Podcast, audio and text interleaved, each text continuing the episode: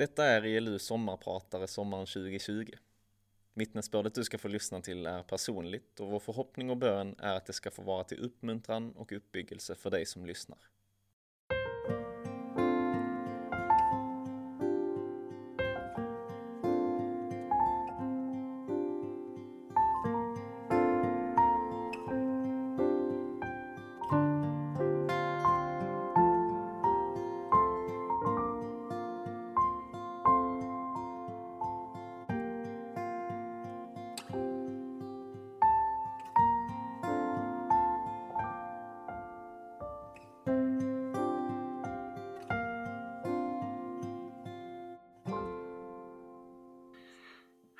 Jag heter Arne Engström och jag har fått uppdraget att vara sommarpratare för ELU den här dagen.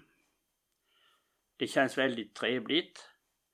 Jag har varit ungdomssekreterare och skolpastor och har ofta fått den här frågan Arne, varför är du kristen? Och det är en eh, nyttig fråga och jag har tänkt efter och jag har tre punkter som jag brukar ta upp i det sammanhanget. För det första så är det min eh, bakgrund och mitt, eh, min uppfostran.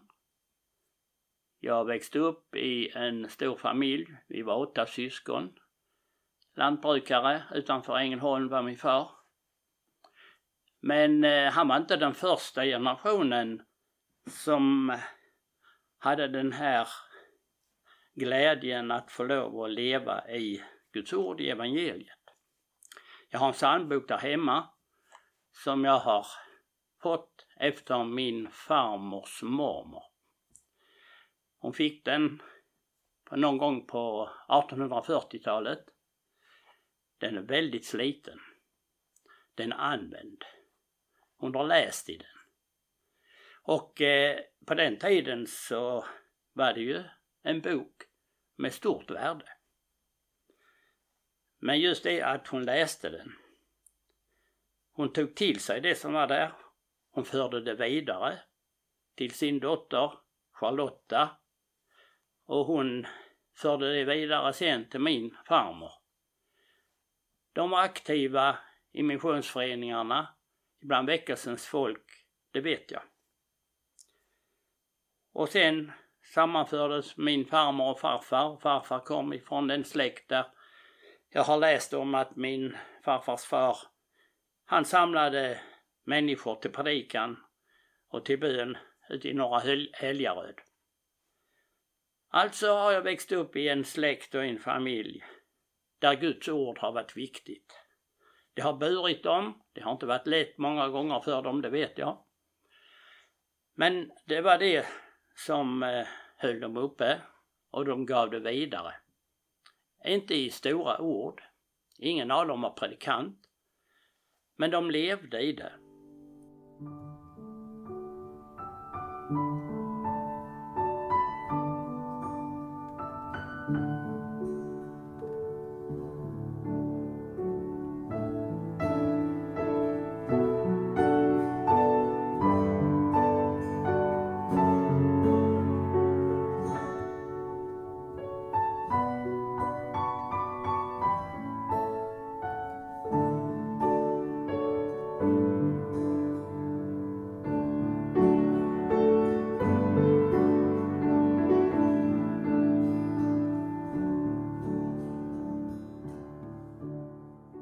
Så gjorde också mina föräldrar. Vi eh, fick ganska tidigt höra om Jesus. Ja, det hörde till familjen. Far, han var uppe på söndagmorgnarna och mjölkade och skötte om korna och sen så lastade han in barnen i bilen och körde och höll söndagsskola för oss och för en hel del barn ifrån byn i Järna. Jag minns inte särskilt mycket av det vi fick lära. Men just denna, detta att far och mor, de var angelägna om att föra vidare det de hade hört. Jag var också väldigt god vän med min farfar. Jag sa vi var åtta syskon och jag har tänkt efteråt, jag har aldrig hört det, ingen har sagt det till mig. Men jag tror att jag var ganska besvärlig som liten. Ett mittenbarn. Och bråkade med de större och de mindre. Och därför fick jag ofta vara hos min farmor och farfar. Farfar och jag var som sagt väldigt goda vänner i hela livet. Jag vet att eh, när jag långt senare på underliga vägar ändå blev kallad till predikant så skulle jag predika en gång för min farfar. Och jag nämnde för honom någonting sådär att egentligen borde inte jag predika för dig utan det var du som borde predika för mig. Men då sa han bara nu ska du predika. Jag sitter här nere i hörnet och jag ber för dig. Och då har jag också nästa eh, sådana här upplevelse. Jag är ett bönebarn. Jag vet att farfar bad, mina föräldrar bad, så länge de levde för mig. Och det har haft en avgörande betydelse, det är jag övertygad om. Jag har sett far som gick eh, bakom min bil när jag körde hemifrån. Han gick på vägen efteråt, han gick med knäppta händer. Han bad. Och då tycker jag att eh, jag kan hänvisa till eh, Guds löfte i Moseböckerna. Han är en visserligen hemsökande Gud när man föraktar honom, men som ger nåd intill tusenden där man älskar mig och håller mina bud. Och det är just, jag är ett nådebarn, jag är ett bönebarn. Och jag tackar Gud för det. Det har präglat mig. Det har eh, följt mig. Och när jag har berättat detta i en skolklass, då säger de, ja ja, du var ju tvungen till det. De tvingade dig till söndagsskolan och allt detta och sitta med och läsa på eh, morgon och kväll med andakterna. Nej, det var inget tvång. Men det var en naturlig bit av hemmet. Och eh, sen kom jag ju också, som alla andra, till skolan och där blev min uppfattning om Gud som skapare till exempel ifrågasatt. Men jag vill eh, först också påminna om en sak som har etsat sig fast i mitt minne. Att Jesus han mötte mig väldigt tidigt. Jag var inte frommare än någon annan, har aldrig varit det. Jag var i skolan, jag gick i sjätte klass. Som var jag som alla andra barn. Fast alla i byn visste ju att vi hörde till läsarna. Läsarna svär inte. Men i skolan skulle jag inte vara annorlunda än de andra. Så där kom en hel del svordomar från mig också. Och eh, jag visste ju att det var fel. Hemma sa jag aldrig de orden. Men vid något tillfälle när jag blev uppretad hemma av någon anledning så kom det en svordom och jag vet att far hörde det. Han sa ingenting. Han förstod genast att det här var någonting som kom ur en frustration. En dag när jag var på väg till skolan, jag cyklade de två kilometerna. Plötsligt möter mig någon. Jag kan inte säga att det var en gestalt. Men det vet jag att det var Jesus som mötte mig. Det var, och jag visste vad det gällde. Det gällde det här med svordomarna. Mitt dubbelliv. Sen den gången, jag hörde ingenting, jag sa ingenting. Men från den stunden så föll detta bort ur mitt ordförråd. Jag kan säga svordomar, men jag har aldrig sagt det. Aldrig kommit för mig sedan den gången. Det är en upplevelse som jag bär med mig, att Jesus har omsorg om oss mitt i våra problem och det som är fel. Han vill rätta till. Han vill inte döma. Han vill hjälpa. Han vill rätta. Och det är så han har gjort med mig i hela mitt liv. Och allt detta har ju sitt upphov i vad Jesus har gjort. Och det förstår jag att det var det som var viktigt för min farmor också. Hon var gammal, satt i rullstol, bodde några dagar hemma hos mig, oss i vårt hem. Vi sjöng mycket hemma i mitt hem. Mina systrar spelade och vi sjöng. Vi sjöng en gång Jesus för världen givit sitt liv. Öppnade ögon Herre mig giv. Och farmor hon sjöng och så grät hon. Jag kan kanske ha varit tio år gammal. Jag tyckte det var konstigt. Varför grät hon? Det är ju en sån fin sång. Men för henne var det viktigt. Han hade gett sitt liv för henne. Och det har också då etsat sig fast i mitt minne. Det är så jag får leva.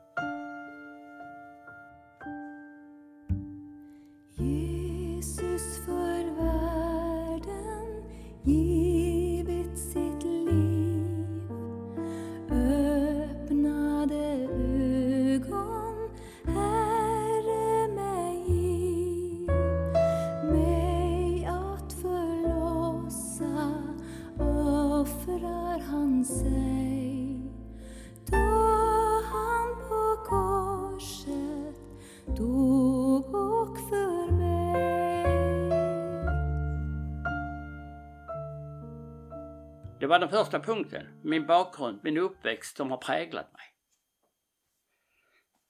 Den, den andra punkten som jag brukar ta upp, det är att jag, som jag sa tidigare, också kom till skolan och där min tro blev ifrågasatt.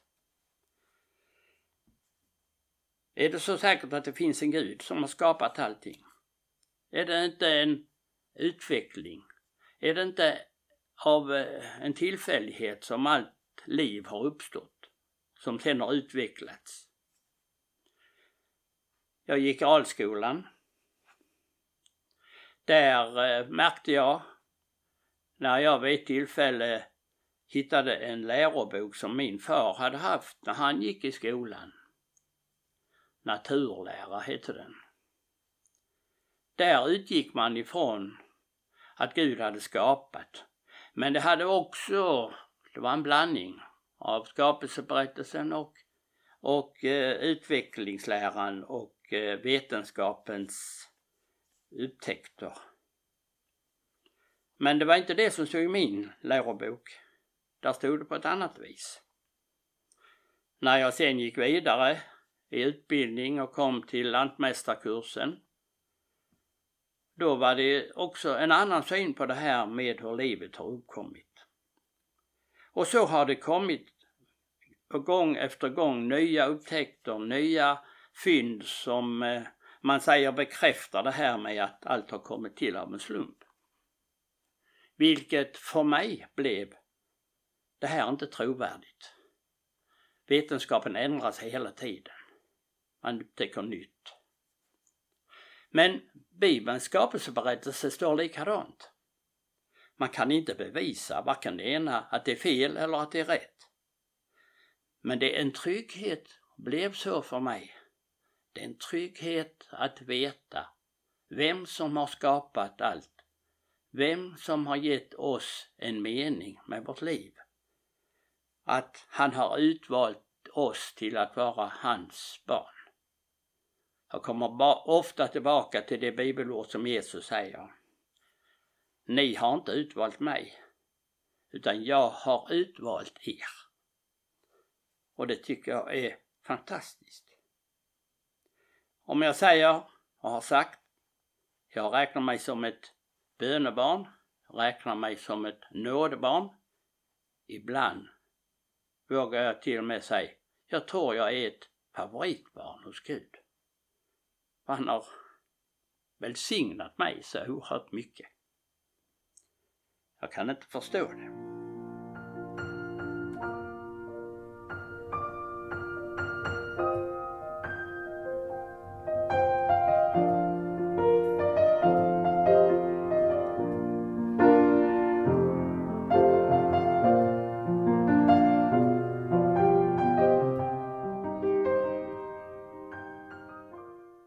Jag fick en utbildning som lantmästare. Och jag hade ett par år som jag arbetade i ett helt vanligt jobb som säljare och informatör.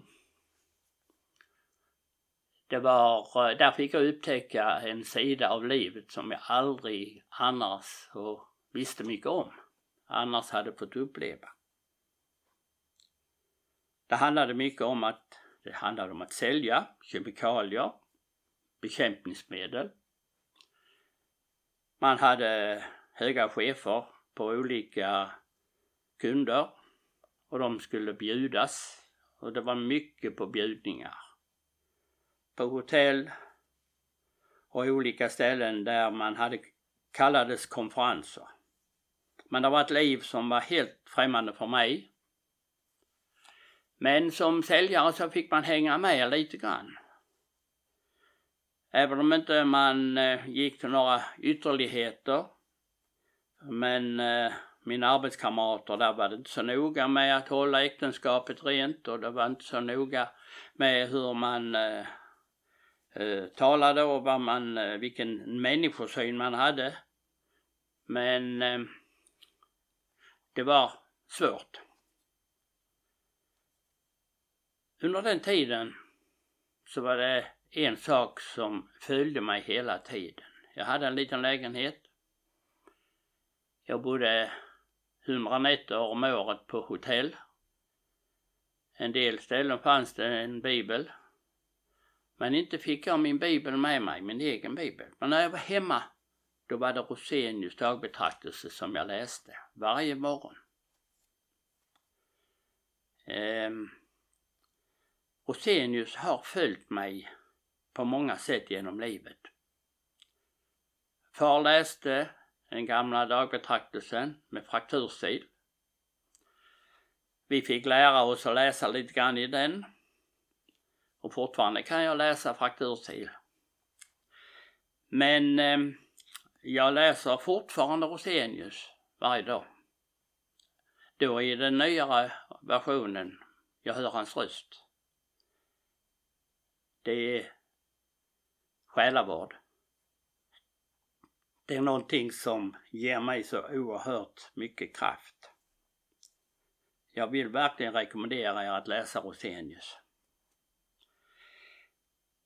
Men det har följt mig och jag är övertygad om att eh, detta är en del av Guds verk att bevara mig trots den eh, atmosfär och den miljö jag levde i.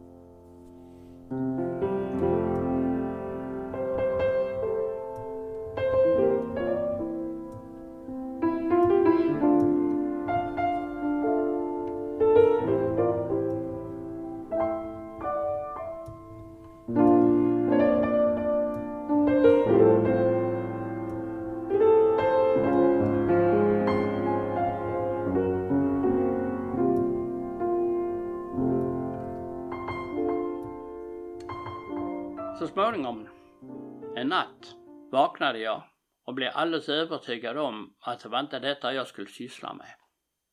Jag ville läsa och bli präst. Detta jag, berättar jag för mina, min arbetsgivare. Jag sa upp mig. Jag anmälde mig och undersökte om jag kunde få komma in på teologiska fakultetet, vilket ändå både min far och min farfar varnade för. De kommer att ta din tro ifrån dig, sa de. Men jag var övertygad om att jag hade en kallelse till detta och eh, jag skulle börja att läsa, komplettera mina gymnasiebetyg för att komma in. Men Gud hade en annan väg och det är kanske bönesvar till min far och farfar och andra som bad att jag inte skulle bli präst. Plötsligt fick jag erbjudande om ett arbete, ett väldigt bra arbete, välbetalt och ett arbete som jag trodde jag skulle trivas med och det gjorde jag. Men den här kallelsen till att eh, förkunna Guds ord kanske ändå låg kvar i, i bakhuvudet lite grann. En dag så kom det ett brev.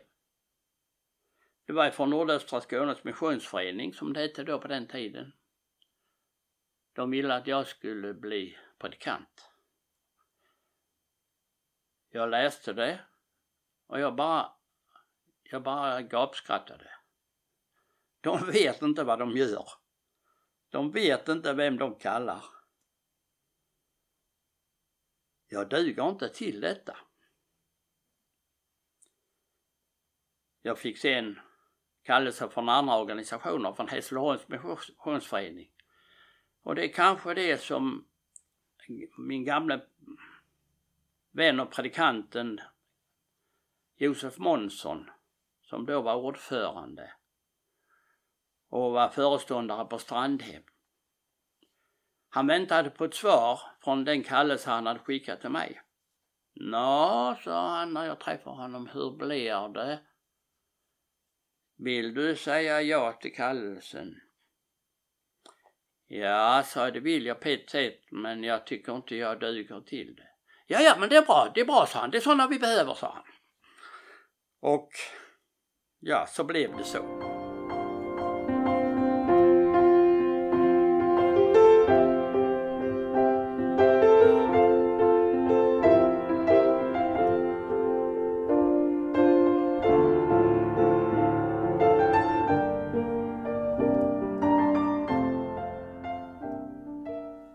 Predikade en del på min fritid samtidigt som jag arbetade i Malmö.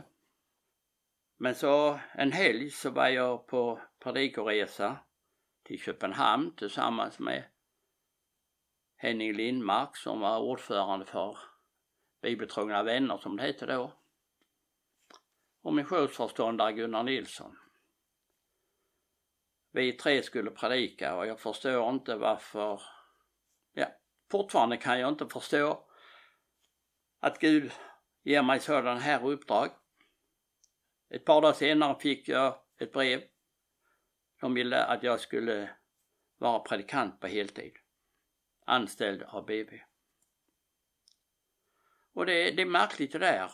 Samtidigt som man inte vill och tycker att man kan och duger.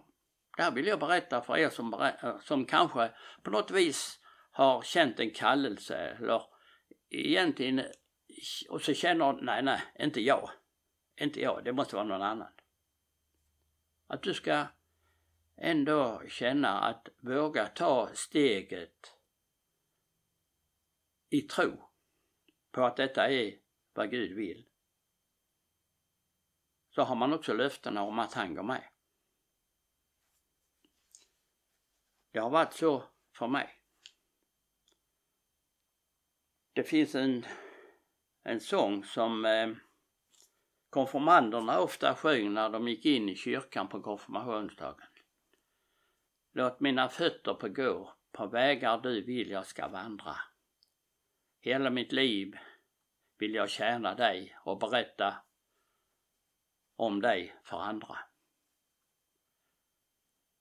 Det är en sång som eh, bär mig och likadant Se jag vill bära ditt budskap Herre, av hjärtat sjunga ditt lov och pris. Två sånger som eh, säger en hel del om vad jag vill med mitt liv.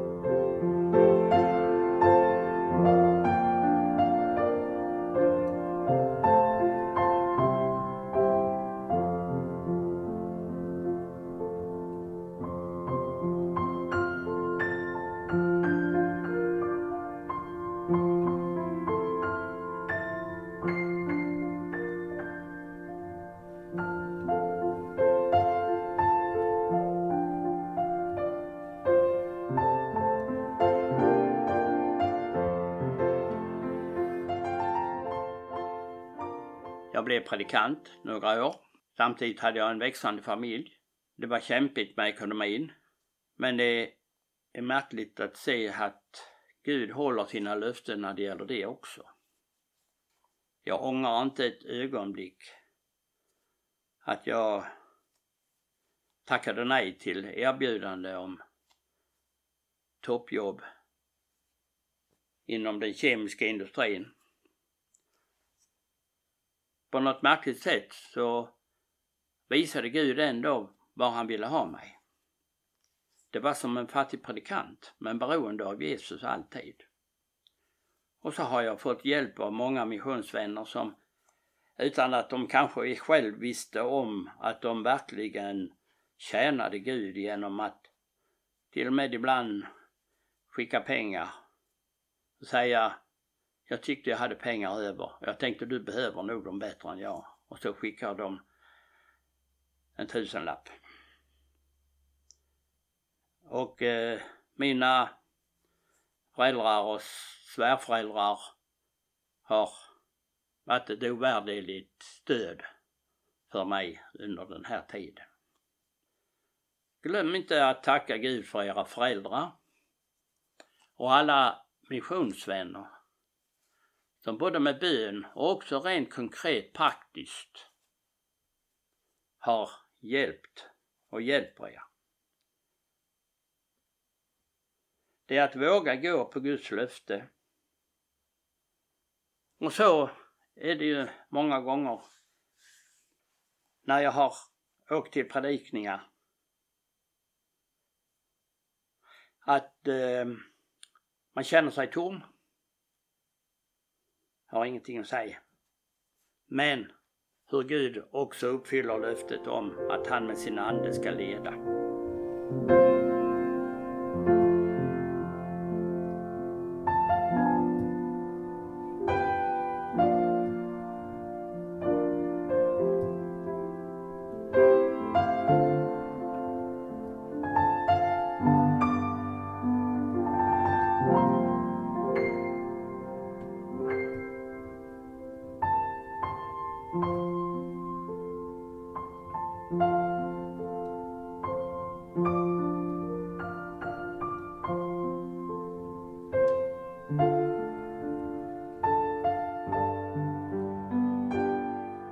Haft konfirmander under många år. Det var härliga dagar och veckor när jag fick vara på Strandhem. Fick möta unga människor med frågor. Och det gjorde att jag också så småningom berättade för min arbetsgivare att vi behöver någon som bara ägnar sig åt ungdomarna. Vi har ungdomar med oss till konfirmationstiden. Och på den tiden, för 50 år sedan nästan, då var man barn till man blev konfirmerad, sen skulle man vara vuxen. Men man är inte vuxen som 15-åring, det inser jag. Många lämnade oss, vår verksamhet och framförallt lämnade Jesus. När man eh, inte blev förstådd, man blev inte lyssnad och man hade många frågor som inte man fick svar på. Och kommer man med en tanke och en idé så säger de ja men det får du ta hand om. Och så blev det för mig. Jag blev kallad som ungdomssekreterare. Och fick då fria händer att arbeta för att samla ungdomar till bibelstudium, till ungdomsgrupper.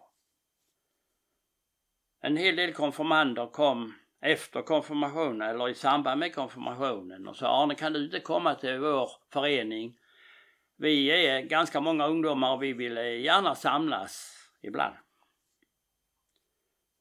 Och eh, det blev så att eh, det startades många ungdomsgrupper. Jag hade ungdomsgrupper i Ängelholm, jag hade i Helsingborg, jag hade i Hässleholm, jag hade i Malmö.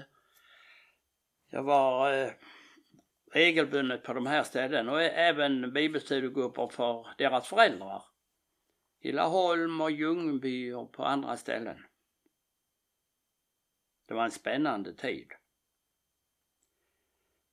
Och eh, det var rätt så jobbigt att hålla igång hela tiden nya ämnen.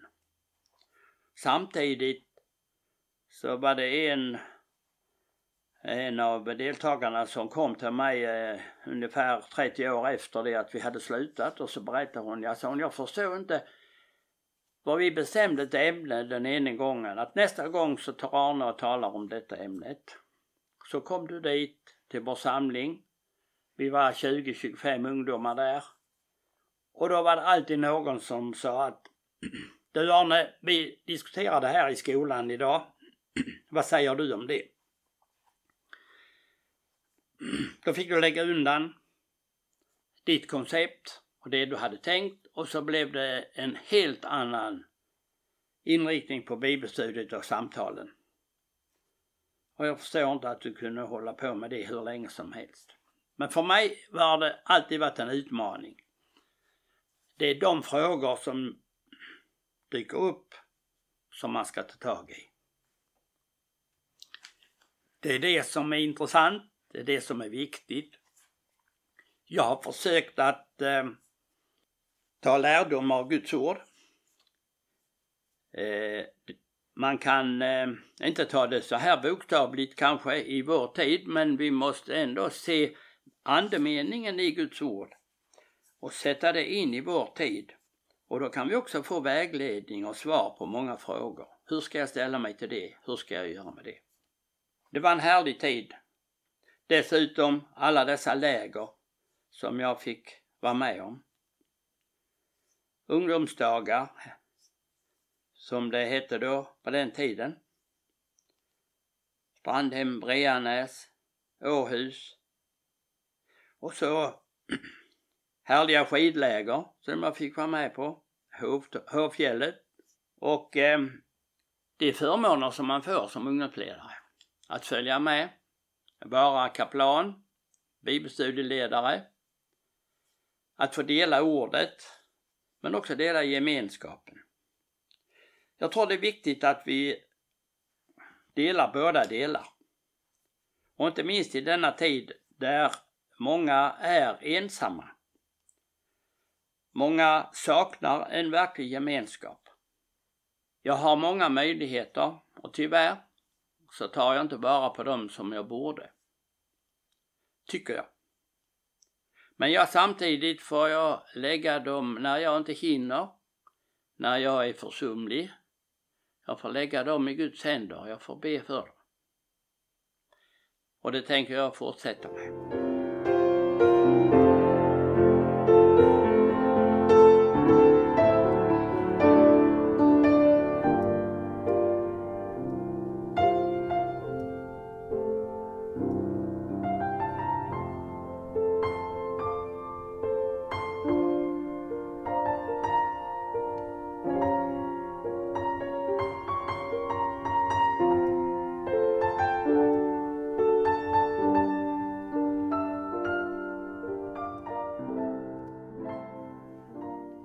Haft oerhört många uppgifter och nu räcker inte tiden till att eh, ta hela den uppgift som jag fick som skolpastor vid flera olika skolor och framförallt vid Klippans gymnasieskola.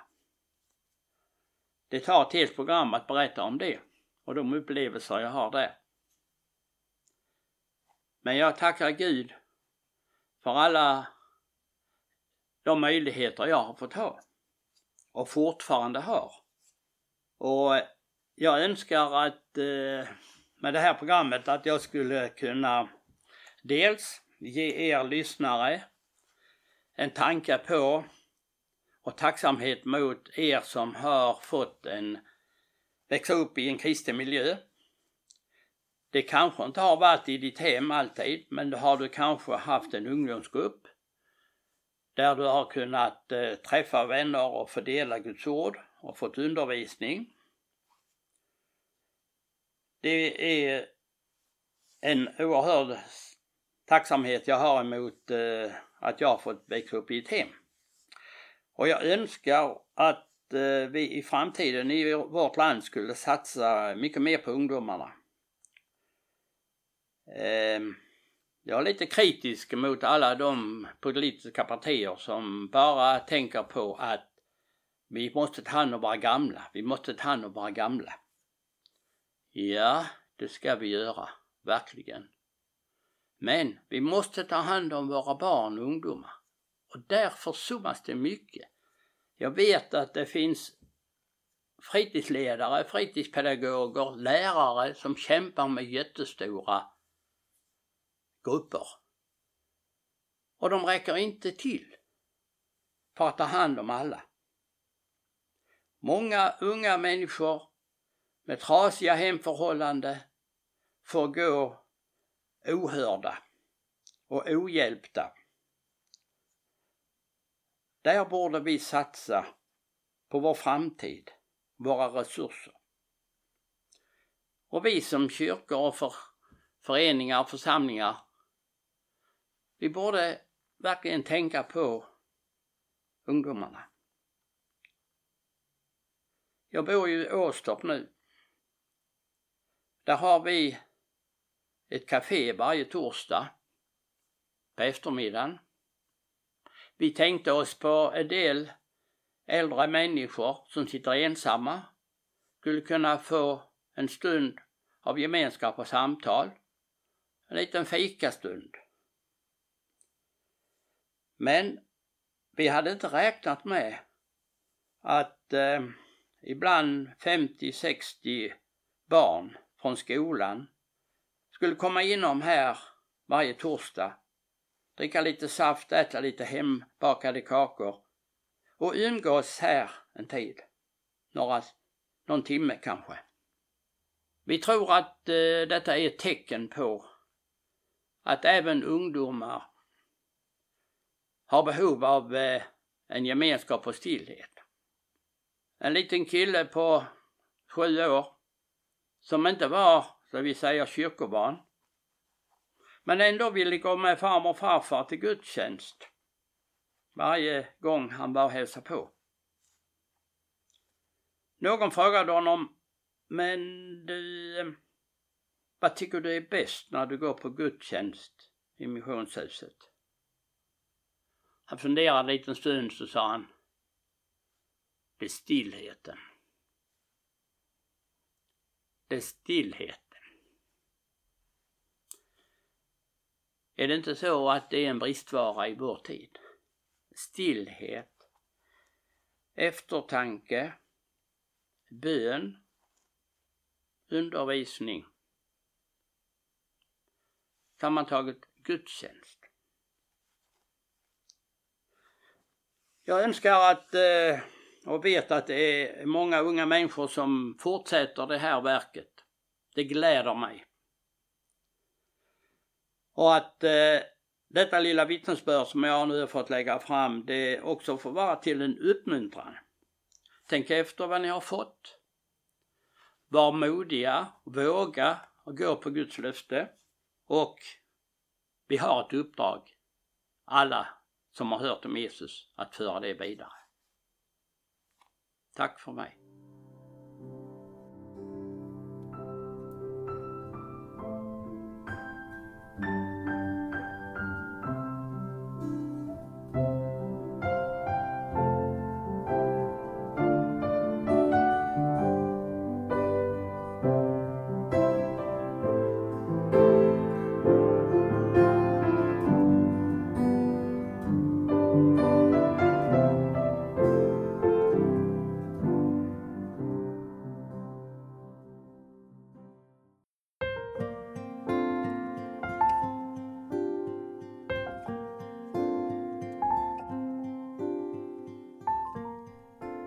Du har lyssnat på ELU sommarprat. Du hittar våra andra avsnitt i ELU-arkivet via din podcastapp eller på elungdom.se. Där kan du dessutom ge en gåva eller bli månadsgåvogivare till ELU. Tack för att du lyssnat. Ha en fin sommar.